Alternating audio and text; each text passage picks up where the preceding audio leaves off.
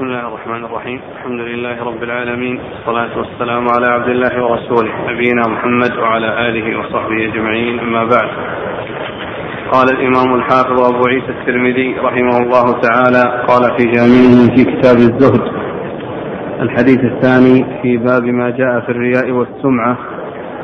قال حدثنا سويد بن نصر قال أخبرنا عبد الله بن المبارك قال أخبرنا حيوة بن شريح قال أخبرني الوليد بن أبي الوليد أبو عثمان المدائني أن عقبة بن مسلم حدثه أن شفيا الأصبحي حدثه أنه دخل المدينة فإذا هو برجل قد اجتمع عليه الناس فقال من هذا؟ فقالوا أبو هريرة رضي الله عنه فدنوت منه حتى قعدت بين يديه وهو يحدث الناس فلما سكت وخلا قلت له أنشدك بحق وبحق لما حدثتني حديثا.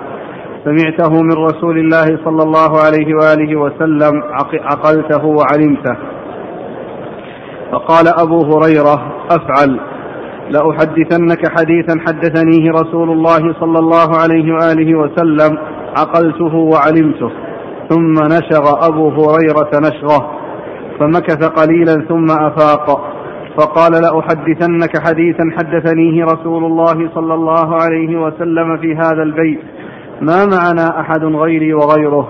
ثم نشغ أبو هريرة نشغة أخرى.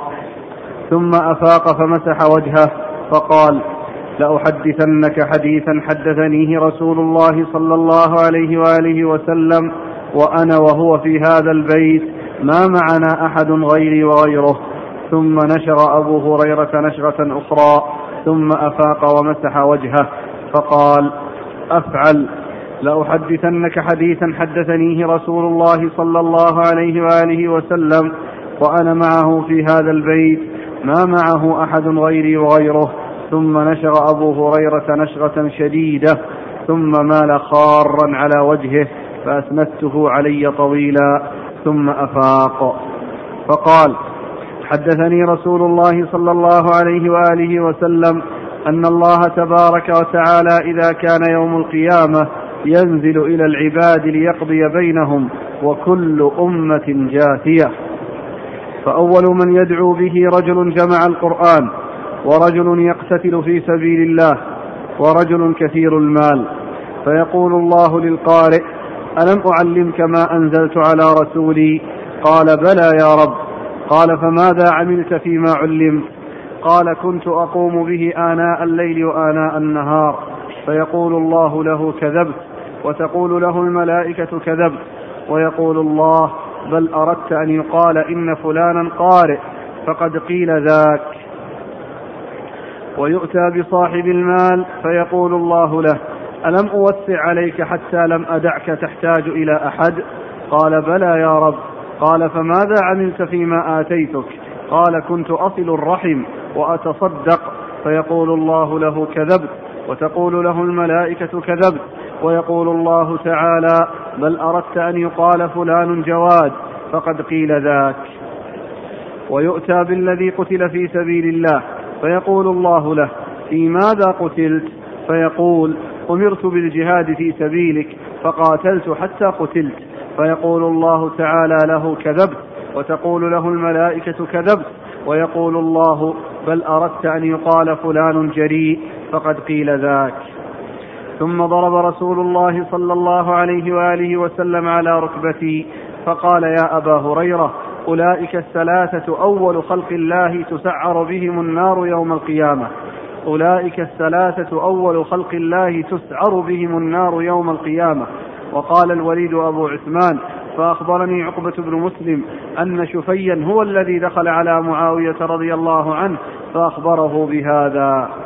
قال أبو عثمان وحدثني العلاء بن أبي حكيم أنه كان سيافا لمعاوية فدخل عليه رجل فأخبره بهذا عن أبي هريرة فقال معاوية قد فعل بهؤلاء هذا فكيف بمن بقي من الناس؟ ثم بكى معاوية بكاء شديدا حتى ظننا أنه هالك وقلنا قد جاءنا هذا الرجل بشر. ثم أفاق معاوية ومسح عن وجهه وقال صدق الله ورسوله. من كان يريد الحياة الدنيا وزينتها نوفي إليهم أعمالهم فيها وهم فيها لا يبخسون. أولئك الذين ليس لهم في الآخرة إلا النار وحبط ما صنعوا فيها وباطل ما كانوا يعملون. قال أبو عيسى هذا حديث حسن غريب.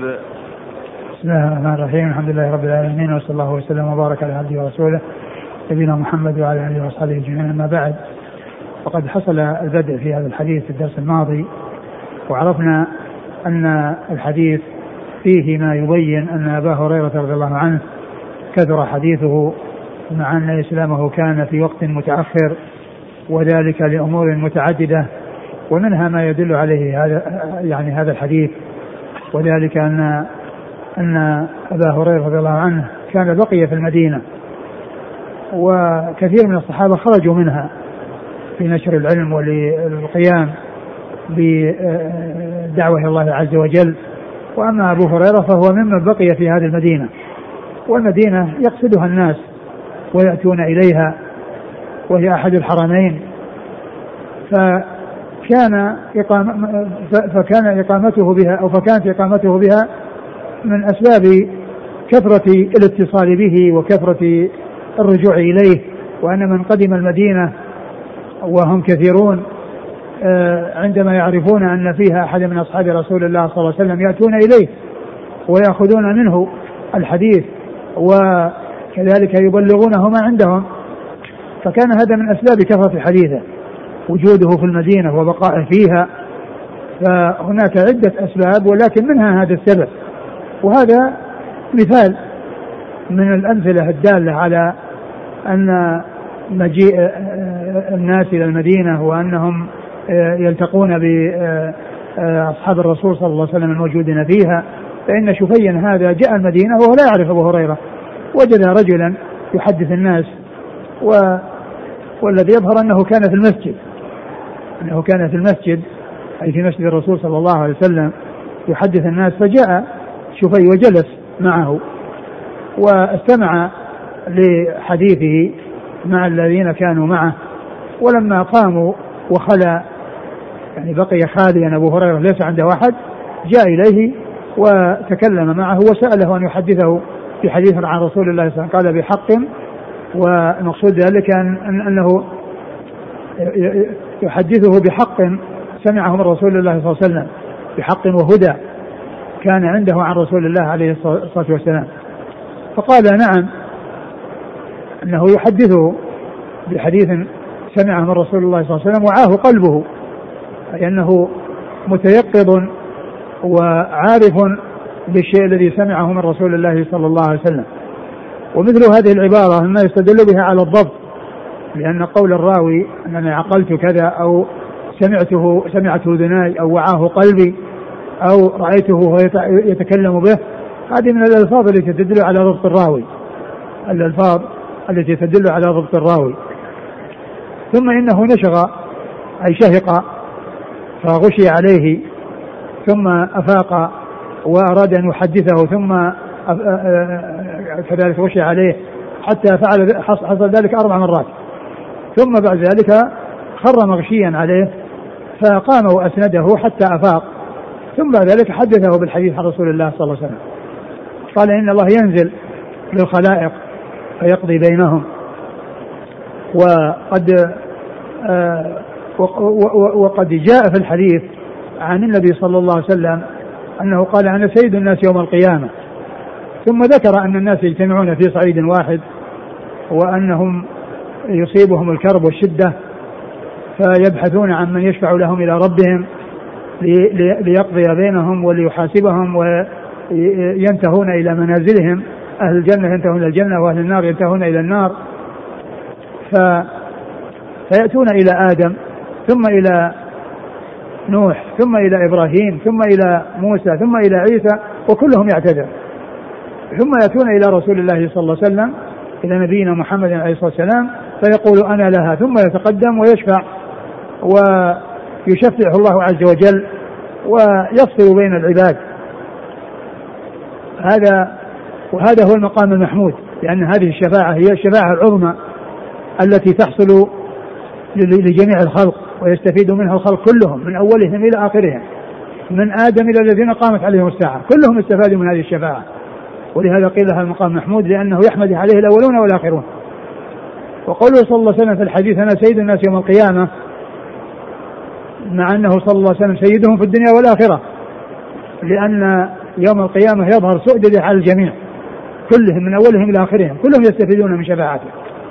التي هي المقام المحمود وهي مجيء الله عز وجل لفصل القضاء بين العباد. فكان أول من يؤتى به ومن أول من يحاسب هؤلاء الثلاثة.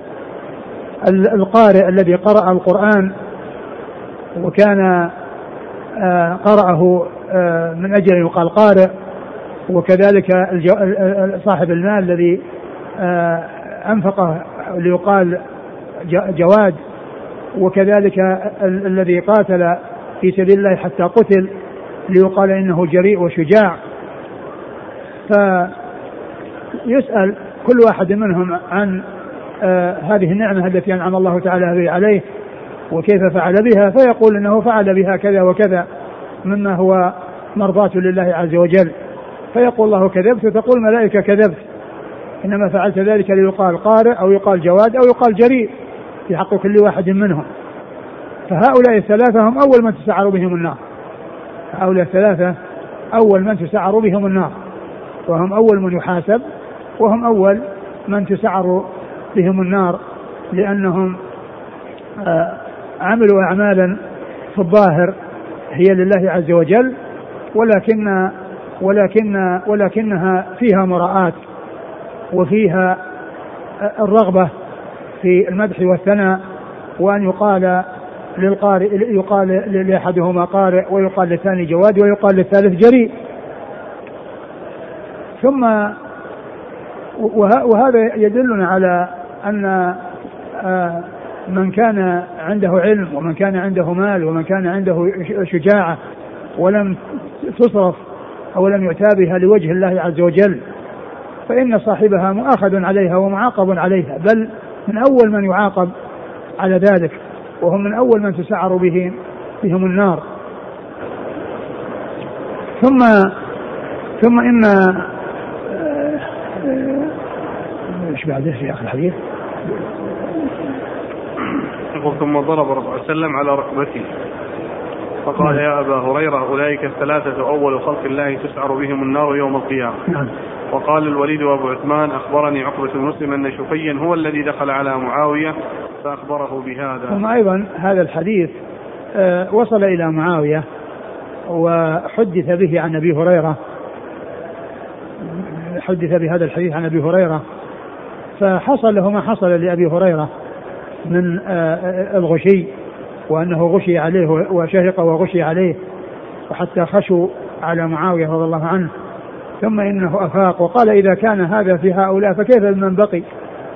كيف بالذين وراء هؤلاء الثلاثة من الناس الذين يحاسبون ثم ذكر أن هذا الذي جاء في هذا الحديث من الرياء وان ان وفقد الإخلاص فيه وأن إضافته إلى غير الله سبحانه وتعالى وفعله من أجل غير الله سبحانه وتعالى أن هذا هو الذي يدل عليه قول الله عز وجل من كان من كان الآية؟ من كان يريد الحياة الدنيا.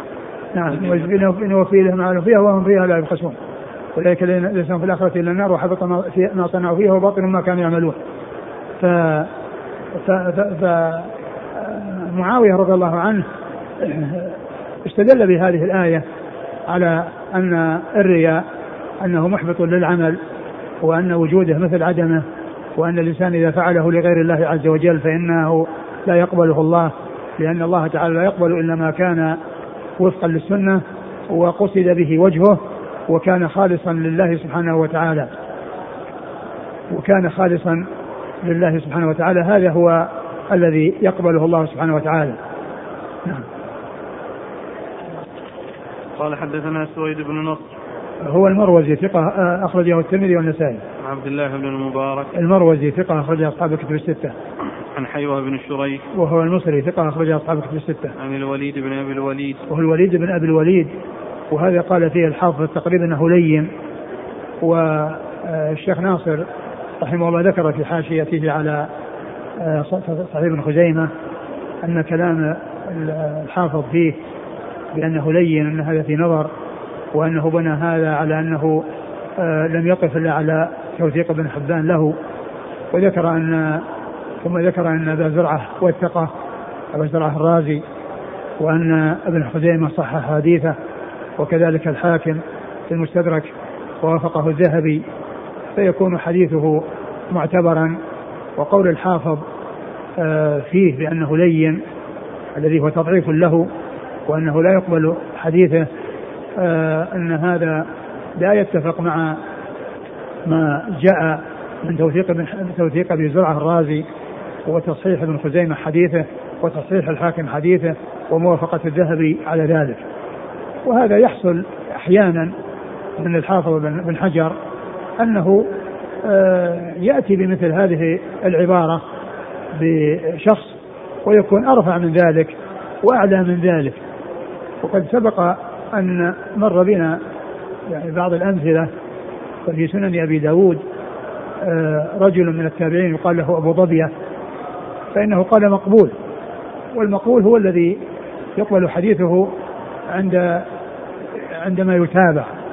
ولكن نفس الحافظ بن حجر في نفس في تهذيب التهذيب كل ما ذكره فيه هو ثناء عليه وأن يحيى بن معين وثقه وجاء عن آخرين أيضا كذلك وثقوه وتكلموا في في بل فيهم من أثنى عليه وقال إنه بعد الصحابة أنه أن أنه لا يعرف بعد الصحابة أحد مثله يعني وهذا ثناء عظيم عليه.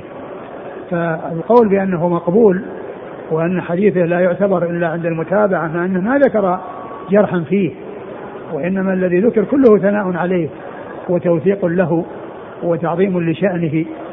وكذلك نبيح العنزي فإنه أيضا في التقريب قال عنه مقبول مع أنه آه، قد وثق أو جاء توثيقه عن عدد. فهذا من هذا القبيل الذي هو الوليد بن أبي الوليد. نعم. أخرج له. البخاري في المفرد ومسلم وأصحاب السنن. نعم. عن عقبة بن مسلم. عقبة مسلم هو؟ ثقة أخرج البخاري في المفرد وأبو داود والترمذي والنسائي نعم. عن شفي الأصبحي. وهو؟ ثقة أخرج البخاري في خلق أفعال العباد وأبو داود والترمذي والنسائي وابن ماجه في التفسير. نعم. عن أبي هريرة. نعم. الطريق الثاني. قال وحدثني العلاء بن أبي حكيم. هو؟ ثقة أخرج البخاري في خلق أفعال العباد والترمذي والنسائي. نعم.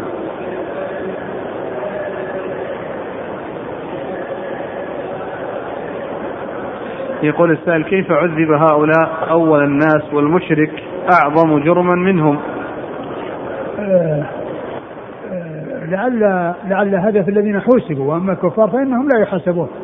الكفار ليس عندهم الا إلا السيئات وليس عندهم إلا الكفر وليس عندهم حسنات آه، يوازن بينها وبين يعني يوازن بينها وبين الأعمال الصالحة وهم يذهبون إلى النار راسا وأما هؤلاء عندهم حسنات وعندهم سيئات.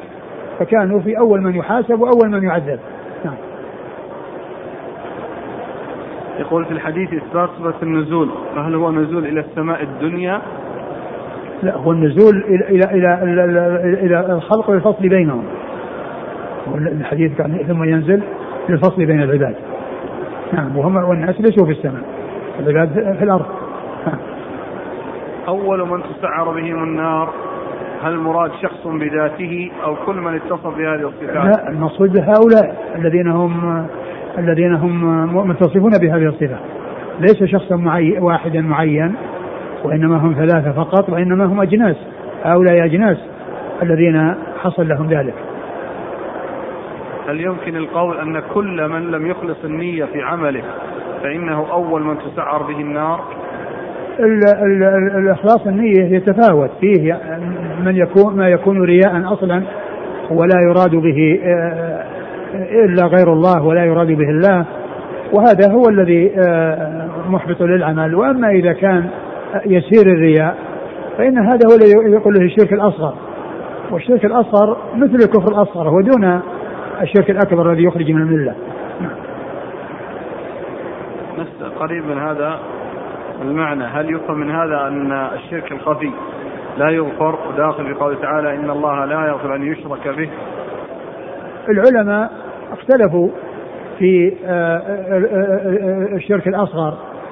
فمنهم من قال إنه إنه يغفر لأن الذي لا يغفر هو الشرك الأكبر الذي صاحبه لا بد له من النار وأن يكون خالدا مخلدا فيها. وأما الشرك الأصغر فهو يعني من الكبائر بل هو من أكبر الكبائر لأن الشيء, الشيء الذنب الذي يوصف بأنه شرك أو أنه كفر يكون أعظم مما لم يوصف بهذا الوصف. ف ولهذا جاء عن ابن مسعود في الحلف بغير الله قال لأن, لأن أحلف بالله صادقا لأن أحلف لأن أحلف بالله كاذبا أحب إلي من أحلف بغيره صادقا لأن الحلف بغير الله صادق حلف بمن لا يحلف به؟ فهو أعظم من الكذب. وإن كان صادقا. أن أحلف بالله كاذبا. أحب إلي من أن أحلف بغيره آه، صادقا. أن أحلف بالله كاذبا. أحب إلي من أن أحلف بغيره صادقا. لأن الحلف بغير الله شرك والكذب آه، معصية وكبيرة من الكبائر. وبعض أهل العلم قال إنه لا يغفر. ولكنه لا يعذب مثل ما يعذب المشرك الذي هو شركه مخرج من الملة وكفره مخرج من الملة وإنما يعذب في النار كما يعذب أصحاب الكبائر ثم يخرج منها. فالخلاف هل يدخل تحت المغفرة فلا فلا فلا يعذب أصلا كما أن أصحاب الكبائر تحت مشيئة الله عز وجل؟ فمنهم من قال إنه كالكبيرة. والكبيرة تحت المشيئة. ومنهم من قال لا إنه يعذب ولكنه لا يعذب تعذيب الكفار الذين هم مخلدون في النار وإنما آه، آه، آه، يخرج بعد التعذيب ويدخل الجنة. قال ابن القيم في الجواب الكافي بعد هذا الحديث وسمعت شيخ الإسلام ابن تيمية يقول كما أن خير الناس الأنبياء فشر الناس من تشبه بهم من الكذابين وادعى أنه منهم وليس منهم. فخير الناس بعدهم العلماء والشهداء والمتصدقون المخلصون وشر الناس من تشبه بهم يوهم أنه منهم وليس منهم. نعم. قال حدثنا أبو كريب قال حدثني المحاربي عن عمار بن سيف الضبي عن أبي معاني البصري عن ابن سيرين عن أبي هريرة رضي الله عنه أنه قال قال رسول الله صلى الله عليه وآله وسلم تعوذوا بالله من جب الحزن. قالوا يا رسول الله وما جب الحزن؟ قال واد في جهنم تتعوذ منه جهنم كل يوم مئة مرة. قلنا يا رسول الله ومن يدخله؟ قال القراء المراءون بأعمالهم. قال هذا حديث حسن غريب. ثم ورد أبو عيسى هذا الحديث آه أن أن أن هناك واد في جهنم يقال له قد تعوذوا بالله من جب, جب الحزن أو الحزن. آه قالوا وما هو؟ قال واد. واد في جهنم. نعم واد في جهنم تستعيذ منه جهنم. كل يوم مئة مرة. كل يوم مئة مرة. قالوا من يكون فيه؟ قال القراء القراء المراؤون. نعم. القراء المراؤون. آه، آه، الجب هو هو هو البئر الغير المطوية. لأن البئر إذا كانت مطوية يكون أسفلها وأعلاها واحد. كله يعني حجارة متصلة من أسفلها إلى أعلاها. وإذا كانت غير مطوية يكون فيها مغارات. يمكن يدخل فيها. ولهذا يوسف عليه السلام لما وضع في الجب كان في في مكان فيه مغارة. اسقط في البئر ولكن فيه مكان ليس في الماء. آه، لأنها غير غير مطوية فيكون فيها آه، مثل الغار الذي يكون فيه الإنسان أو يكون فيه آه، الشيء. فالجب هو البئر الغير مطوية لأنه يكون فيها مغارات. بخلاف المطوية فإنها تكون حجارة من أسفلها إلى أعلاها متصلة حجر فوق حجر وليس فيها مجال لأن يدخل فيها أحد أو يدخل فيها شيء. فقالوا هذا هو معنى والحزن أو الحزن أنها آه، آه، أنه متصف به صاحبه متصف بهذا الوصف. ما فيه إلا الحزن وما فيه إلا الحزن. وأن صاحبه في في غاية في غاية الاتصاف بهذه الصفة. والحديث ضعيف لأن فيه ضعيف ومجهول. في إسناده آه، اثنان أحدهما ضعيف والثاني مجهول. قال حدثنا أبو كريب. ومحمد بن العلاء ثقة أخرج أصحابه في الستة. عن المحاربي. المحاربي هو عبد الرحمن. بن محمد لا بأس به. نعم. أصحاب الكتب. نعم. عن عمار بن سيف الضبي. وهو وهو ضعيف. أخرجه الترمذي وابن ماجه. والثاني اللي بعده عن أبي معان البصري. وهو مجهول أخرج له. الترمذي وابن ماجه. نعم. عن ابن سيرين. محمد بن سيرين ثقة أخرجها أصحابه في الستة. عن أبي هريرة. نعم. قال رحمه الله تعالى باب عمل السر. قال حدثنا محمد بن المثنى قال حدثنا أبو داود قال حدثنا أبو سنان الشيباني عن حبيب بن أبي ثابت عن أبي صالح عن أبي هريرة رضي الله عنه أنه قال قال رجل يا رسول الله الرجل يعمل العمل فيسر فيسره الرجل يا رسول الله الرجل يعمل العمل فيسره فإذا اطلع عليه أعجبه ذلك. قال رسول الله صلى الله عليه وسلم له أجران أجر السر وأجر العلانية. قال أبو عيسى هذا حديث حسن غريب. وقد روى الأعمش وغيره عن حبيب بن أبي ثابت عن أبي صالح عن النبي صلى الله عليه وسلم مرسلا وأصحاب الأعمش لم يذكروا فيه عن أبي هريرة. قال أبو عيسى وقد فسر بعض أهل العلم هذا الحديث فقال إذا اطلع عليه فأعجبه فإنما معناه أن يعجبه ثناء الناس عليه بالخير لقول النبي صلى الله عليه وآله وسلم أنتم شهداء الله في الأرض. فيعجبه ثناء الناس عليه لهذا لما يرجو بثناء الناس عليه. فأما إذا أعجبه ليعلم الناس منه الخير ليكرم على ذلك ويعظم عليه فهذا رياء. وقال بعض أهل العلم إذا اطلع عليه فأعجبه رجاء أن يعمل بعمله فيكون له مثل أجورهم فهذا له مذهب أيضا. ثم ذكر أبو عيسى باب في عمل السر. وهو العمل الذي يفعل في السر والإنسان قد أخفاه ولكنه علم به فأعجبه علم الناس به وسر به. قال له أجران أجر السر وأجر العلانية.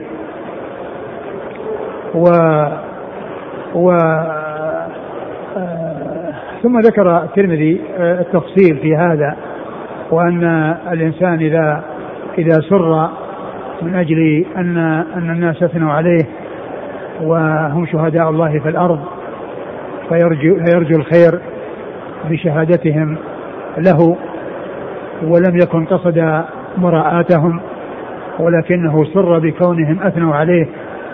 وكذلك أيضا إذا آه، أعجبه ذلك لأن الناس يقتدون به ويعملون مثل عمله. فيكون في ذلك له خير. يعني فيكون هذا مذهب آخر يعني فيما يتعلق ببيان آه، آه، ما يعود على صاحبه الذي هو صاحب العمل بالخير. لأن كل من الاثنين فيه فائدة له. كونه يقتدى به وكونه فرح لأن الناس شهدوا له. وقد جاء في الحديث أنتم شهداء الله في الأرض.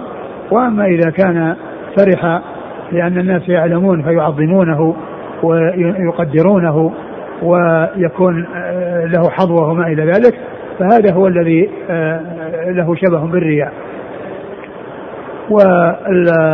والحديث آه، فيه كلام من ناحية أن أبا سنان هو صدوق له أوهام والأعمش وسفيان الثوري رووه مرسلا لم يذكروا في إسنادهم أبي هريرة في اسنادهم أبا هريرة فلهذا رجح المرسل على المتصل لأن الذين أرسلوا ثقات وهذا صدوق له اوهام فيحتمل أن يكون هذا من أوهامه. و وأما ذكر آه، كونه آه، يفرح وهو ما قصد مدح الناس وثناءهم وما قصد أن يعظم وأن يبجل فقد جاء في حديث صحيح قال ذلك عاجل بشرى المؤمن.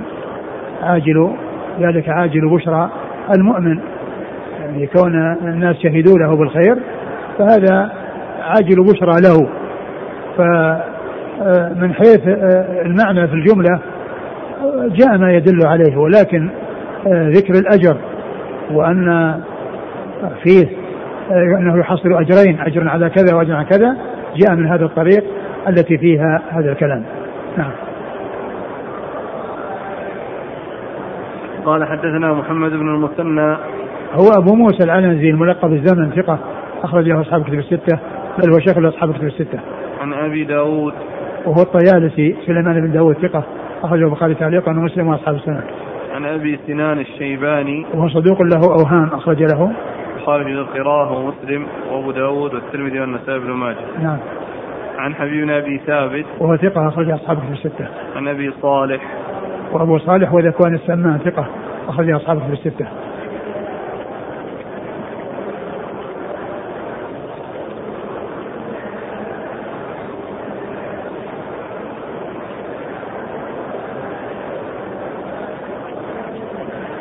قال رحمه الله تعالى باب ما جاء أن المرء مع من أحب. قال حدثنا علي بن حجر قال أخبرنا إسماعيل بن جعفر عن حميد عن أنس رضي الله عنه أنه قال جاء رجل إلى رسول الله صلى الله عليه وعلى آله وسلم فقال يا رسول الله متى قيام الساعة؟ فقام النبي صلى الله عليه وسلم إلى الصلاة فلما قضى صلاته قال أين السائل عن قيام الساعة؟ فقال الرجل أنا يا رسول الله. قال ما أعددت لها؟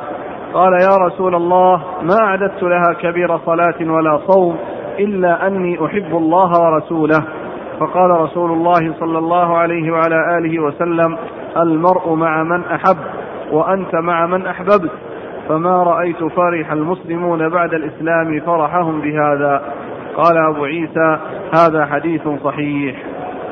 ثم أبو عيسى باب المرء مع من أحب. باب المرء مع من أحب. وأورد فيه حديث أنس بن مالك رضي الله تعالى عنه أن رجلا جاء وسأل النبي صلى الله عليه وسلم وقال يا رسول الله متى قيام الساعة؟ فالرسول صلى الله عليه وسلم صلى أو قام إلى الصلاة ولما فرغ من الصلاة قال أين السائل عن الساعة؟ قام الرجل وقال أنا يا رسول الله. الرسول صلى الله عليه وسلم قال له ماذا أعددت لها؟ ماذا أعددت لها؟ قلب عليه السؤال ليبين له أن هذا هو المهم في الأمر. المهم في الأمر أن الإنسان يستعد للساعة إذا قامت وذلك بالأعمال الصالحة وهذا هو المهم. أما أن يبحث الإنسان عن الساعة متى تقوم متى, متى وقت قيامها ف آه، السؤال عنه ليس كالسؤال عن ذاك الذي فيه مصلحة وفيه فائدة له. لأن الساعة آتية وكل آت قريب ولكن ليس المهم معرفة متى تقوم الساعة ولكن المهم ماذا قدم الإنسان لنفسه إذا قامت الساعة. هذا هو المهم. الرسول صلى الله عليه وسلم أراد أن يبين له أن الأهم هو الاستعداد للساعة إذا قامت. والساعة متى تقوم لا يعلم ذلك إلا الله. الرسول صلى الله عليه وسلم لا يعلم متى تقوم الساعة لأن هذا مما اختص الله تعالى بعلمه. تقوم الساعة في أي سنة وفي أي شهر من السنة وفي أي جمعة من السنة لا يعلم ذلك إلا الله. أما اليوم الذي تقوم فيه الساعة فقد ثبت في السنة أنها تقوم يوم الجمعة. لا تقوم في الأيام الأخرى وإنما تقوم يوم الجمعة لكن من أي سنة ومن أي شهر وأي جمعة في شهر؟ الله تعالى أعلم. والرسول صلى الله عليه وسلم إذا سئل عن قيام الساعة إما أن يجيب ب... ب... كما في حديث جبريل من مسؤول بأعلم من السائل وأنه يعني لا يعلم أو يجيب بشيء من أماراتها أو آه يلفت نظر السائل إلى أهم من سؤاله وهو الاستعداد للساعة في الأعمال الصالحة التي تقرب إلى الله عز وجل. قال المرء مع من أحب. لما سأل الرجل قالوا ماذا أعددت لها؟ قال أعددت ما أعددت لها كبير صلاة ولا صيام إلا أني أحب الله ورسوله.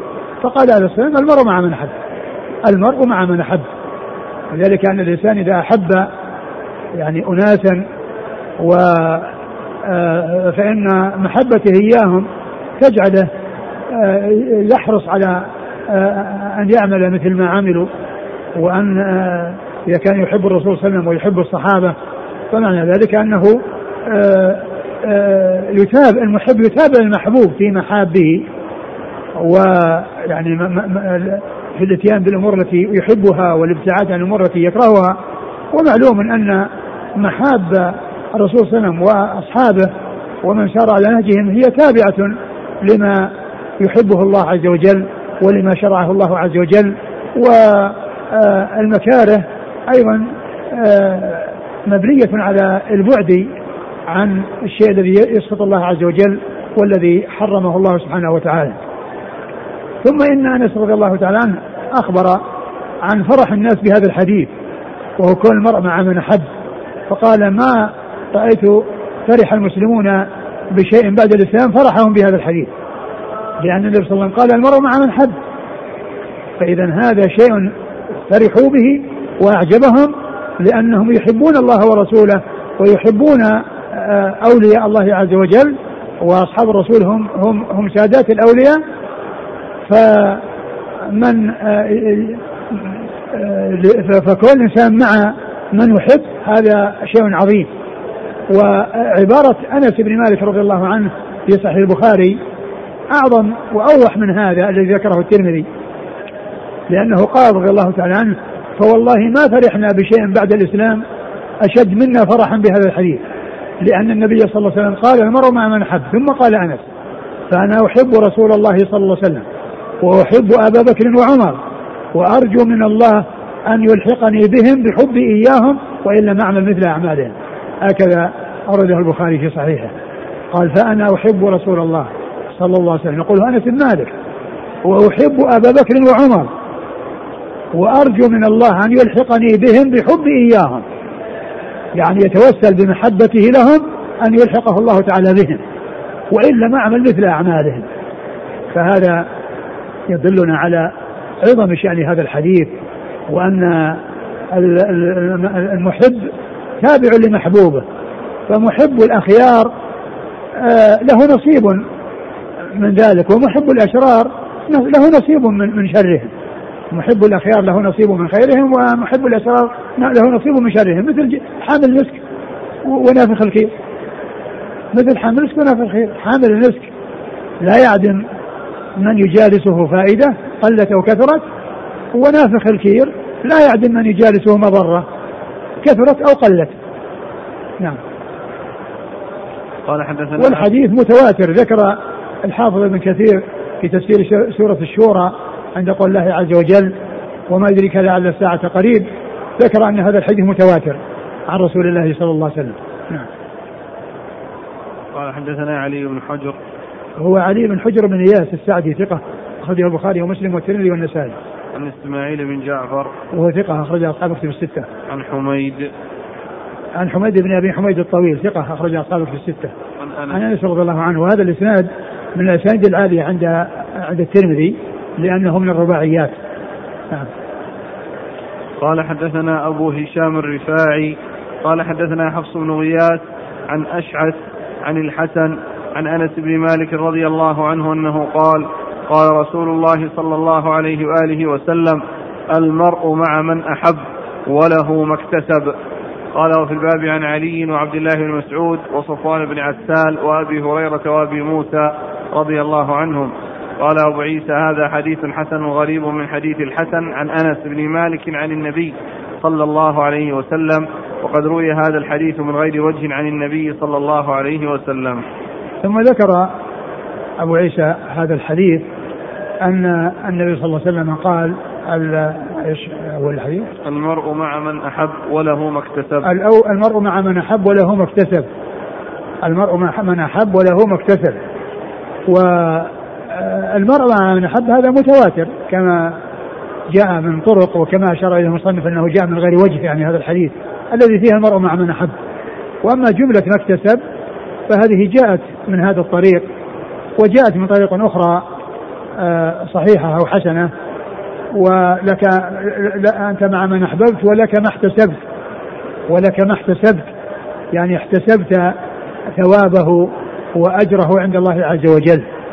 وهذه الطريق فيها اثنان آه، فيهما ضعف أحدهما أشعث ابن سوار والثاني آه، أبو هشام الرفاعي الذي هو شيخ الترمذي. ولكن آه، المرء مع من أحب هذه الجملة هذه متواترة عن رسول الله صلى الله عليه وسلم.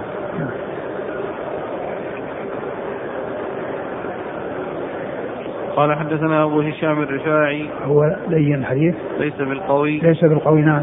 رجل مسلم والترمذي وابن ماجه. نعم. عن حفص بن غياث. وهو ثقة. أخرجه أصحاب كتب الستة. عن أشعث. أشعث بن سوار. هو ضعيف. ضعيف. أخرج له. صاحب المفرد ومسلم والترمذي والنسائي بن ماجه. نعم. عن الحسن عن أنس. الحسن بن أبي الحسن البصري وهو ثقة أخرجه أصحاب كتب الستة. نعم.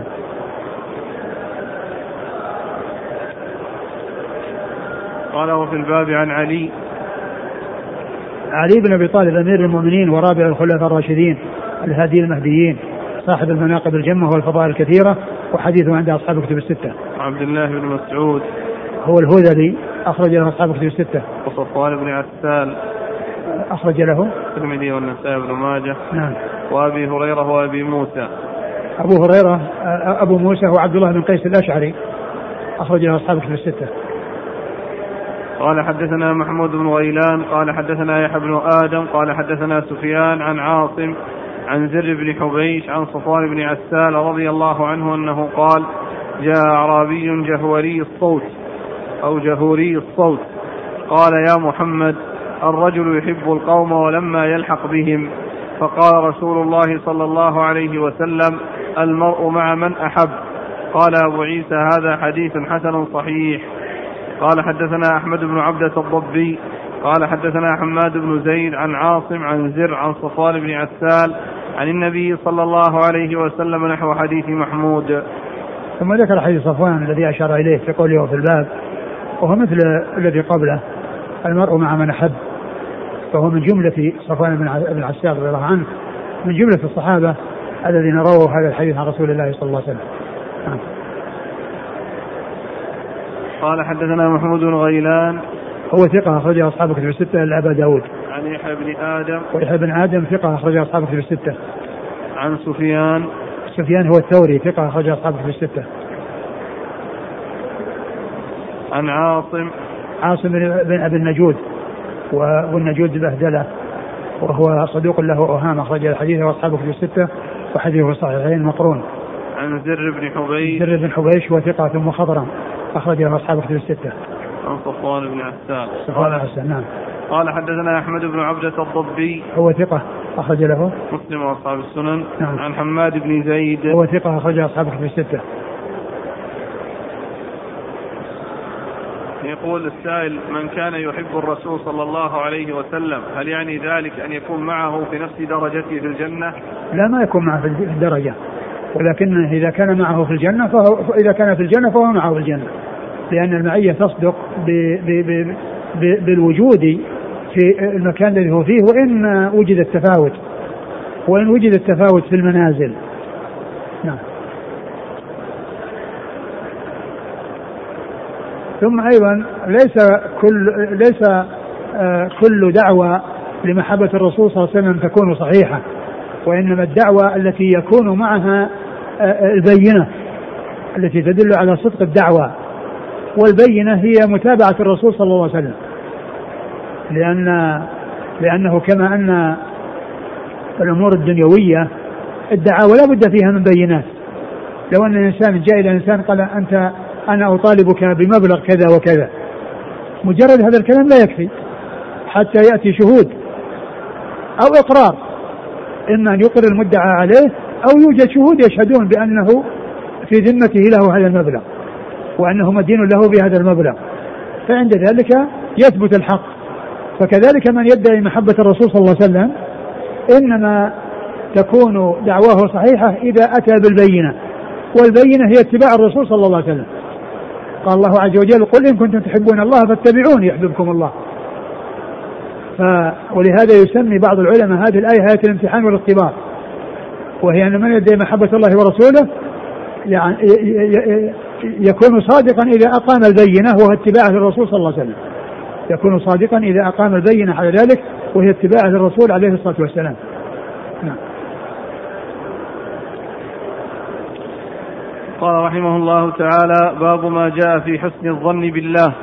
قال حدثنا أبو كريب قال حدثنا وكيع عن جعفر بن برقان عن يزيد بن الأصم عن أبي هريرة رضي الله عنه. يعني في عدة أبواب ليست واضحة في في الزهد. يعني دخولها في الزهد وفي كتاب الزهد. يعني ليست وضوح مثل الأحاديث السابقة التي التي مرت. نعم. المرء مع من أحب يمكن يكون مثل الحديث الذي مر المرء على دين خليله. فلينظر من يخالل يعني من جهة أن أن الخليل يعني يتابع خليله في في الحرص والزهد. وكذلك من يحب يكون أيضا يتابع من يحبه في ما يحبه في فعل ما يحبه وترك ما لا يحبه. نعم.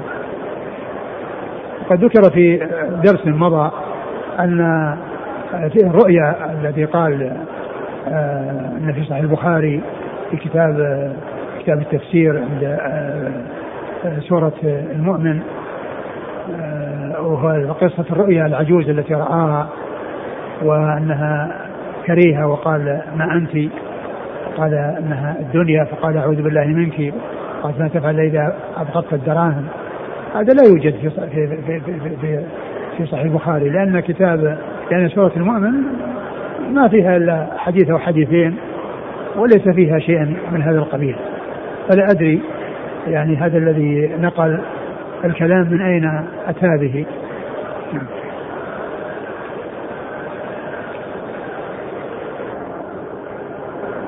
قال رحمه الله تعالى لعل صاحب السؤال يعني يصحح ال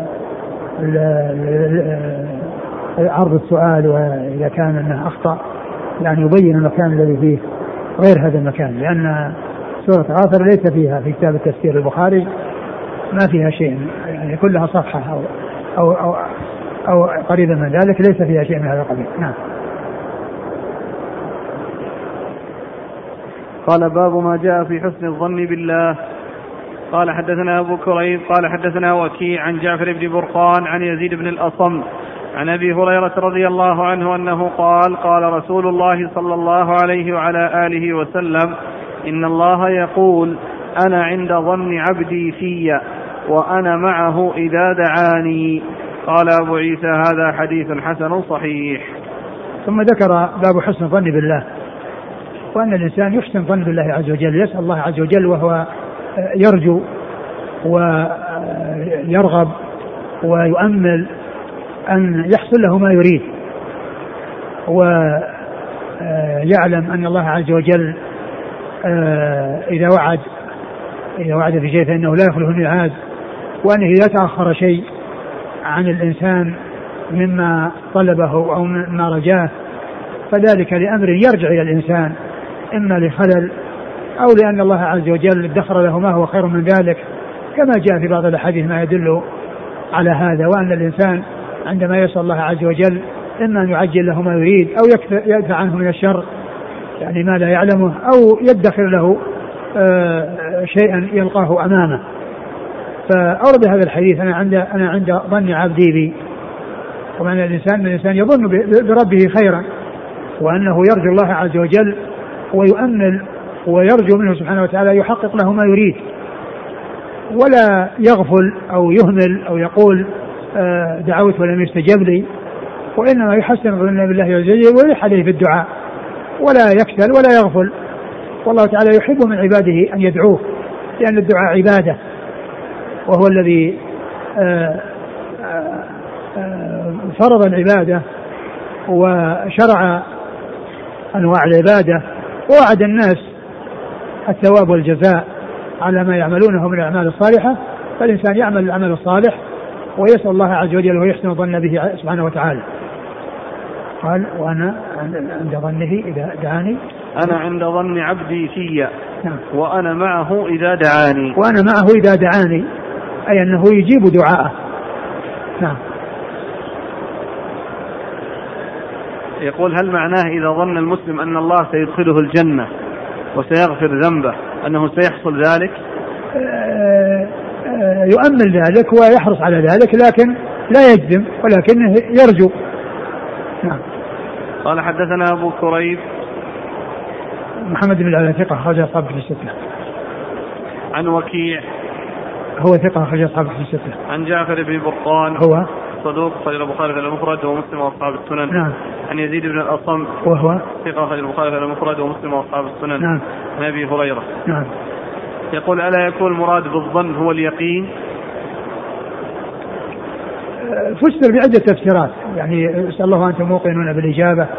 وفسر بأن أنه يعني لا يغفل ولا وذكر الشارع عدة وجوه. اقرأ.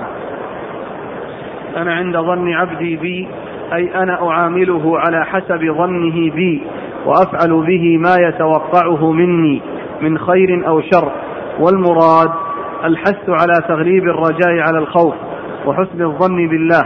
لقوله عليه الصلاة والسلام لا يموتن أحدكم إلا وهو يحسن الظن بالله. ويجوز أن يراد بالظن اليقين. نعم. والمعنى أنا عند يقينه بي. وعلمه بأنه بأن مصيره إلي وحسابه علي وأن ما قضيت به له أو عليه من خير أو شر لا مرد له ولا معطي لما منعت ولا مانع لما أعطيت قاله الطيبي. وهذا وهذا متيقن بلا شك. هذا الذي ذكره يعني الطيبي قائل هذا الكلام كله متحقق متحقق وكله حاصل إيش يقول العبارة الأخيرة. يقول معنى أنا. عند يقينه بي أيوة. وعلمه بأن مصيره إلي. نعم. هذا هذا واقع وحاصل. مصيره إلى الله عز وجل. و وحسابه علي. وكذلك أيضا. وأن ما قضيت به له أو عليه من خير أو شر لا مرد له. وهذا كله لا بد منه. هذا يقين بلا شك. ولا معطي لما منعت ولا مانع لما أعطيت. نعم.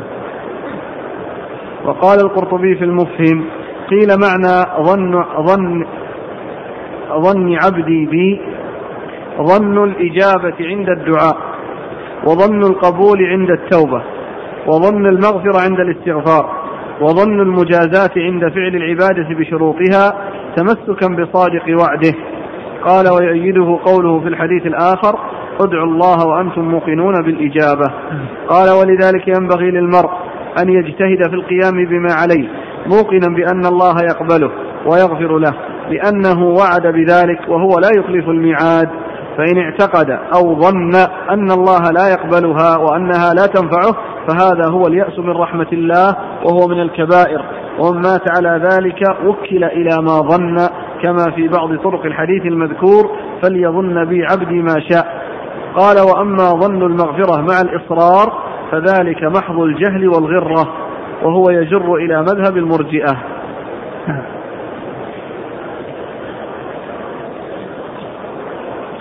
قال رحمه الله تعالى باب ما جاء في البر والإثم. قال حدثنا موسى بن عبد الرحمن الكندي الكوفي. قال حدثنا زيد بن حباب. قال حدثنا معاوية بن صالح. قال حدثنا عبد الرحمن بن, بن جبير بن نفير الحضرمي. عن أبيه عن النواس بن سمعان رضي الله عنه. أن رجلا سأل رسول الله صلى الله عليه وآله وسلم عن البر والإثم فقال النبي صلى الله عليه وآله وسلم البر حسن الخلق والإثم ما حاك في نفسك وكرهت أن يطلع عليه الناس. قال حدثنا محمد بن بشار قال حدثنا عبد الرحمن بن مهدي قال حدثنا معاوية بن صالح نحوه إلا أنه قال سألت النبي صلى الله عليه وسلم قال أبو عيسى هذا حديث حسن صحيح. هو قال أن رجلا نعم. أن رجلا. نعم. ثم أرد أبو عيسى باب في البر والإثم. آه البر آه البر والإثم لفظان متقابلان. وقد جاء في القرآن ذكرهما متقابلين مع التقوى والعدوان. قال الله عز وجل وتعاونوا على البر والتقوى ولا تعاونوا على الإثم والعدوان. فتعاونوا على البر والتقوى ولا تعاونوا على الإثم والعدوان. فإن التقوى في مقابلة التقوى في وتعاونوا على البر والتقوى ولا تعاونوا البر في مقابلة الإثم والعدوان في مقابلة التقوى. وقيل أنه إذا جمع بينهما فإنها من الألفاظ التي يفرق بينها بالمعنى وإذا أفرد البر فإنه يشمل الأوامر والمنهيات. وإذا أفردت التقوى فإنها تشمل الأوامر والمنهيات. وإذا جمع بينهما فإن البر يحمل على المأمورات والتقوى تحمل على ترك المنهيات. فهنا جاء في الحديث تفسير البر والإثم بأن البر هو حسن الخلق. وهذا من التفسير بالمثال. تفسير ببعض أجزائه ولا يقال أن البر كله بهذا لأن البر جاء يعني أنه يفسر ما أوسع من ذلك ولكن البر من آمن بالله واليوم الآخر وذكر أعمالا كثيرة يعني قلبية واعتقادية وعملية في هذه الآية الكريمة. وهنا فسر حسن الخلق. وحسن الخلق لا شك أنه من من من, من أعظم آه، آه، آه، الأعمال الطيبة وقد جاء في أحاديث كثيرة مرت بنا تتعلق بحسن الخلق وأن منزلته عالية ومنزلته رفيعة وأن الرسول صلى الله عليه وسلم كان أحسن الناس خلقا وكان يبين عظيم المنزلة لمن يكون حسن خلقه حسنا. وجاء في الحديث اتق الله حيثما كنت وأتبع السيئة الحسنة تمحوها وخالق الناس بخلق حسن. قال والإثم ما حاك في نفسك وكرهت أن يطلع عليه الناس.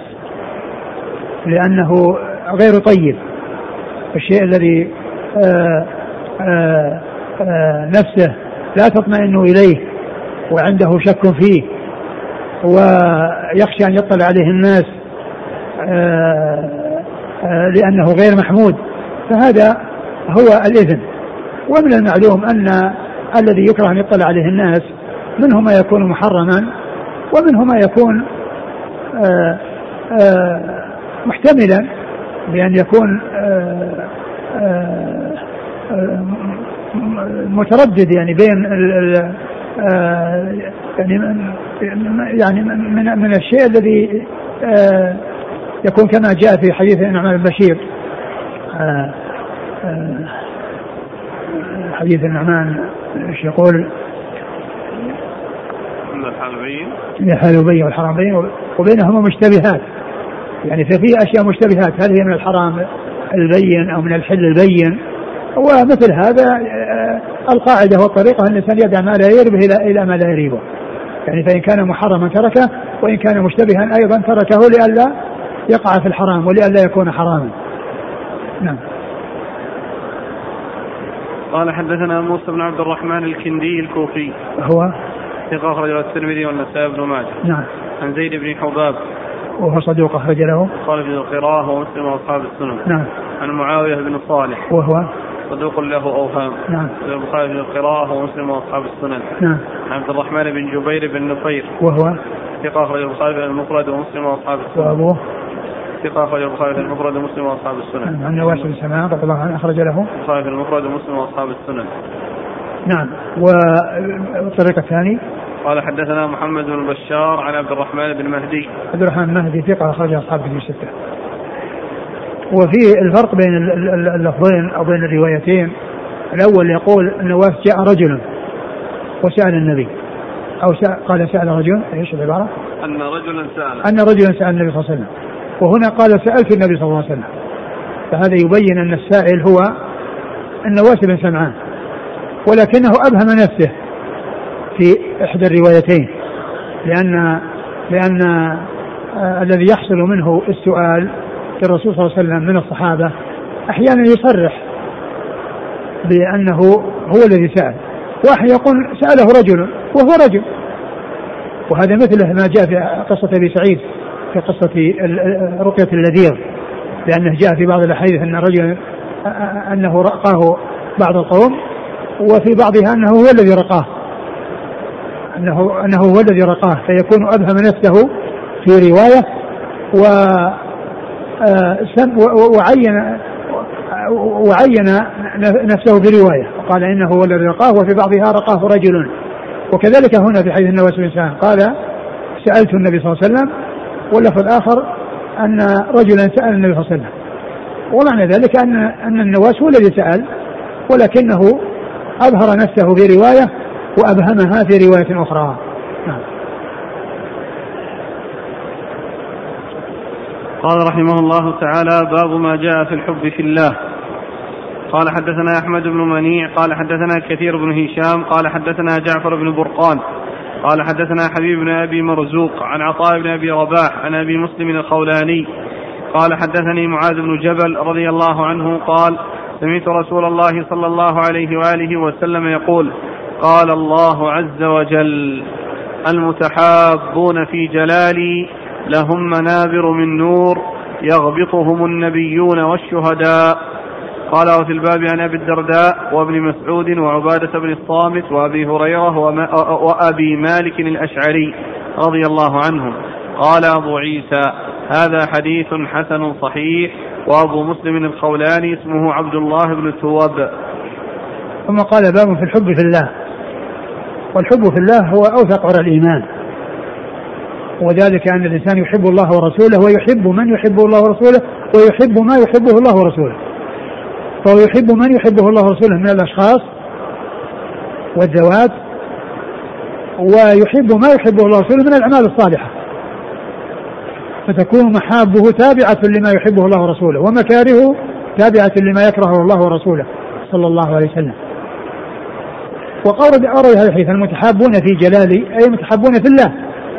ما هم متحابون في آه، من أجل آه، صداقة من أجل آه، منافع متبادلة من أجل قرابة وإنما هو من أجل الله عز وجل الذي يدفع كل واحد منهما أن يحبه لله لأنه مستقيم على طاعة الله ولأنه ملتزم بشرع الله فهو يحب يحب من يحبه الله كما أنه يحب ما يحبه الله. قال على منابر من نور يغبطهم. لهم منابر من نور يغبطهم النبيون. لهم منابر من يغبطهم النبيون والشهداء. ولا وليس معنى أن الأنبياء والشهداء يغبطونهم أنهم يكونون اعلى من الأنبياء والشهداء ابدا. اعلى من الشهداء من الأنبياء. لأن الأنبياء لا أحد يعلوهم. هم أفضل البشر. وهم خير الناس. وإنما حصل الخير للناس لاتباعهم الأنبياء وللعلم الذي أخذوه عن الأنبياء وفعلهم الأعمال الصالحة التي جاء بها الأنبياء. ولكن المقصود بالغبطه هنا أنهم يغبطون على أعمال صالحة انها ذات غبطة لا أنها أن أن أولئك الذين غبطوهم أنهم لا يبلغون منازلهم بل آه، الأنبياء منازلهم أعلى أعلى منازل البشر وليس أحد يماثلهم وإنما المقصود بالغبطه أنهم آه، يحمدون على ال ال ال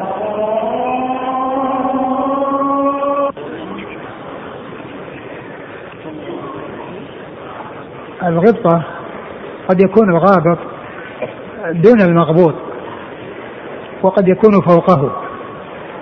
فمما يكون الغابط دون المغبوط حديث لا حديث لا حسد إلا في اثنتين. رجل أتى الله علما ورجل أتاه الله مالا. فإن الذي ليس عنده مال وهو يغبط هذا الذي عنده مال ليس عنده هذا الذي علم ويتمنى يكون مثله هذا دون هذا.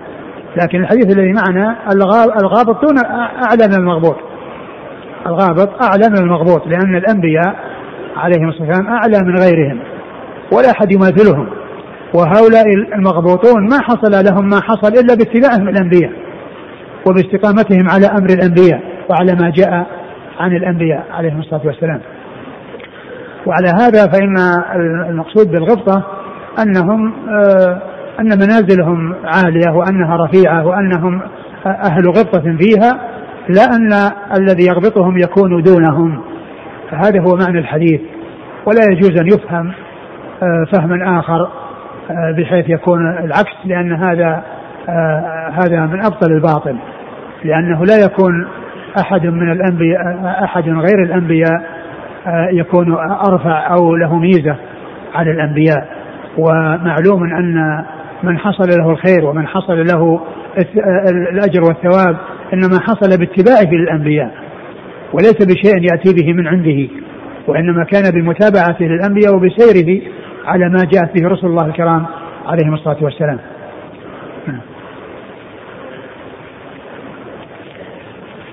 قال حدثنا أحمد بن منيع. هو ثقة أخرج أصحابه في الستة. عن كثير بن هشام. هو؟ ثقة أخرج البخاري في المفرد ومسلم وأصحاب السنن. نعم. عن جعفر بن برقان. عن نعم. حبيب بن أبي مرزوق. هو؟ ثقة أخرجه الترمذي والنسائي. نعم. عن عطاء بن أبي رباح. وهو ثقة أخرج أصحاب كتب الستة. عن أبي مسلم الخولاني. وهو؟ ثقة أخرجه مسلم وأصحاب السنن. نعم. عن معاذ بن جبل. رضي الله تعالى عنه أخرجه أصحاب كتب الستة. وفي الباب عن أبي الدرداء. هو عويمر أخرج أصحاب كتب الستة. وابن مسعود. نعم. وعبادة بن الصامت. أخرج له أصحاب كتب الستة. وأبي هريرة وأبي مالك الأشعري. أخرج له. قال تعليقا مسلم وأبو داود والنسائي بن ماجه. نعم. قال حدثنا الأنصاري قال حدثنا معا قال حدثنا مالك عن خبيب بن عبد الرحمن عن حفص بن عاصم عن أبي هريرة أو عن أبي سعيد رضي الله عنهما أن رسول الله صلى الله عليه وآله وسلم قال سبعة يظلهم الله في ظله يوم لا ظل إلا ظله إمام عادل وشاب نشأ في وشاب نشأ بعبادة الله ورجل كان قلبه معلقا بالمسجد إذا خرج منه حتى يعود إليه ورجلان تحابا في الله فاجتمعا على ذلك وتفرقا. ورجل ذكر الله خاليا ففاضت عيناه ورجل دعته امرأة ذات حسب وجمال فقال إني أخاف الله ورجل تصدق بصدقة فأخفاها حتى لا تعلم شماله ما تنفق يمينه. قال أبو عيسى هذا حديث حسن صحيح وهكذا روي هذا الحديث عن مالك بن أنس من غير وجه مثل هذا وشك فيه وقال عن أبي هريرة أو عن أبي سعيد. وعبيد الله بن عمر رواه عن خبيب بن عبد الرحمن ولم يشك فيه يقول عن أبي هريرة قال حدثنا سوار بن عبد الله العنبري ومحمد بن المثنى قال حدثنا يحيى بن سعيد عن عبيد الله بن عمر قال حدثني خبيب عن حفص بن عاصم عن أبي هريرة عن النبي صلى الله عليه وسلم نحو حديث مالك بن أنس بمعناه إلا أنه قال كان قلبه معلقا بالمساجد وقال ذات منصب وجمال. ثم ورد أبو عيسى حديث أبي هريرة وابي سعيد ولكنه آه، جاء عن أبي هريرة بغير شك. وفي هذه الرواية فيها هل أبو سعيد أو أبي أبو هريرة. والشك في الصحابي لا يؤثر فسواء كان أبو سعيد أو أبو هريرة النتيجة واحدة. وكذلك في غير الصحابة لا يؤثر إذا كانوا ثقتين إذا كان المشكوك فيهم إذا كان الاثنان المشكوك فيهما ثقتين فإن ذلك لا يؤثر سواء كان هذا أو هذا. مثل ما مرنا قريبا آه، ابن كعب بن مالك لأنه له اثنان وكل منهما ثقة سواء هذا أو هذا. فهو مبهم هناك يعني غير معين. لكن إذا قيل عن فلان أو عن فلان فإذا كان ثقتين طبعا هذا في غير الصحابة. الصحابة لا يقال لأحد ثقة بل يكفي الواحد أن يقال إنه صحابي. وإنما التوثيق وغير التوثيق إنما هو لمن دون الصحابة. وأما الصحابة فالمجهول فيهم في حكم معلوم ولهذا يكفي أن يقال عن رجل صحيب النبي صلى الله عليه وسلم. ولو لم يسمى لأن الصحابة آه، يكفيهم ثناء الله عز وجل وثناء رسوله صلى الله عليه وسلم عليهم ولا يحتاجون إلى تعديل المعدلين وتوثيق الموثقين. وأما الذي يحتاجون إلى ذلك هم من دونهم. ولهذا المجهول في الصحابة في حكم المعلوم. وأما غيرهم المجهول المجهول مجهول. يعني يحتاج إلى معرفته. حتى يعرف بالثقة أو العدالة أو الضعف. وإذا كان أيضا الشك بين اثنين ثقتين لا يؤثر. ولكنه يؤثر إذا كان بين ثقة وضعيف. إذا كان بين ثقة وضعيف هذا هو الذي يجي الإشكال لأنه يحتمل أن يكون ضعيف. وعلى هذا آه، يكون ذلك قدح في الرواية. وأورد آه، حديث أبي هريرة هذا الذي فيه ذكر السبعة. الذين يظلهم الله في ظله وأولهم الإمام العادل وهو الذي يلي الأمر يلي أمر المسلمين سواء الإمام العام أو الولاة الذين هم دونه لأنه جاء يعني ما يدل على أن من يتولى أمرا وإن كان دون الولاية العظمى أنه إذا عدل يعني في حتى صاحب البيت إذا عدل في أهل بيته وكذلك الوالي الذي هو على جماعة معينة إذا عدل في الشيء الذي ولي عليه فإنه أجره عظيم وثوابه جزيل عند الله سبحانه وتعالى. وقد بدأ بالإمام العادل لأن نفعها عم وأعظم وفائدة أكبر وذلك أنه بصلاح الراعي تصلح الرعية. وإذا صلح الراعي وعدل يعني يكون يقوم بالقضاء على أهل الفساد وعلى ويقوم بالأمر بالمعروف والنهي عن المنكر.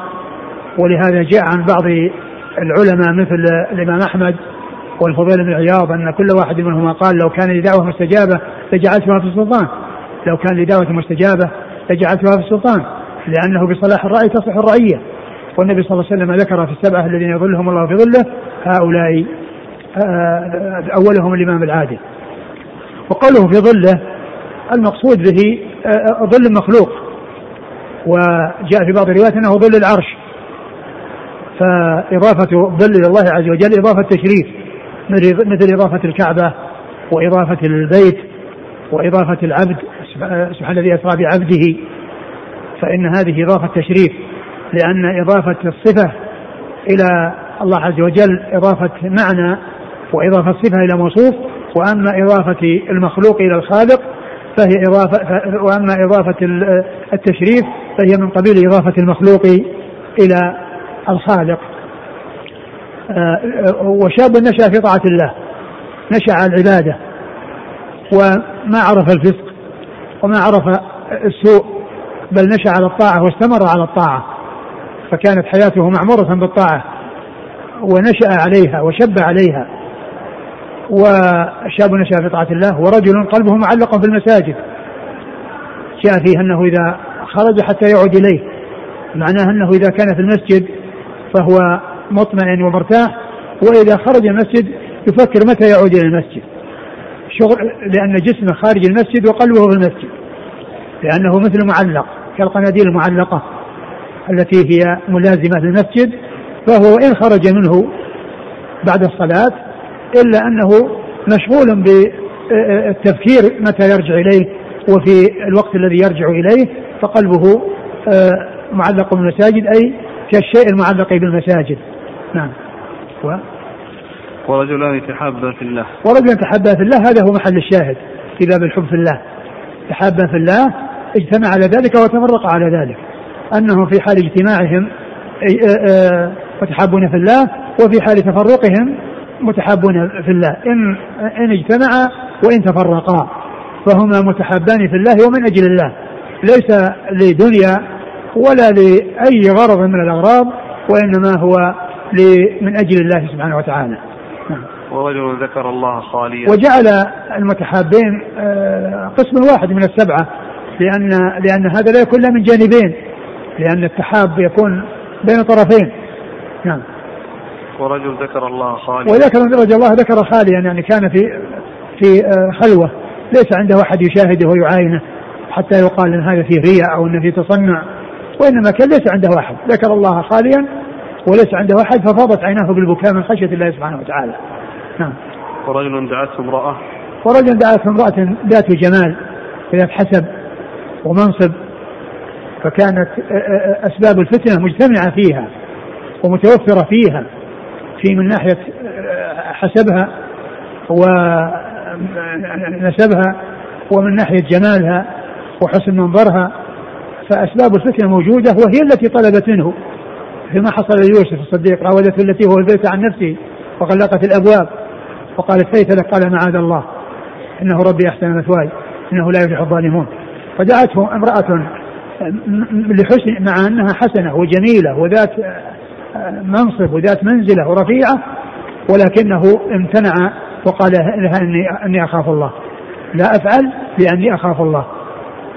مع قدرته على الفاحشة مع وتمكين المرأة إياه إياه وهي التي طلبت هو الذي امتنع وقال إني أخاف الله.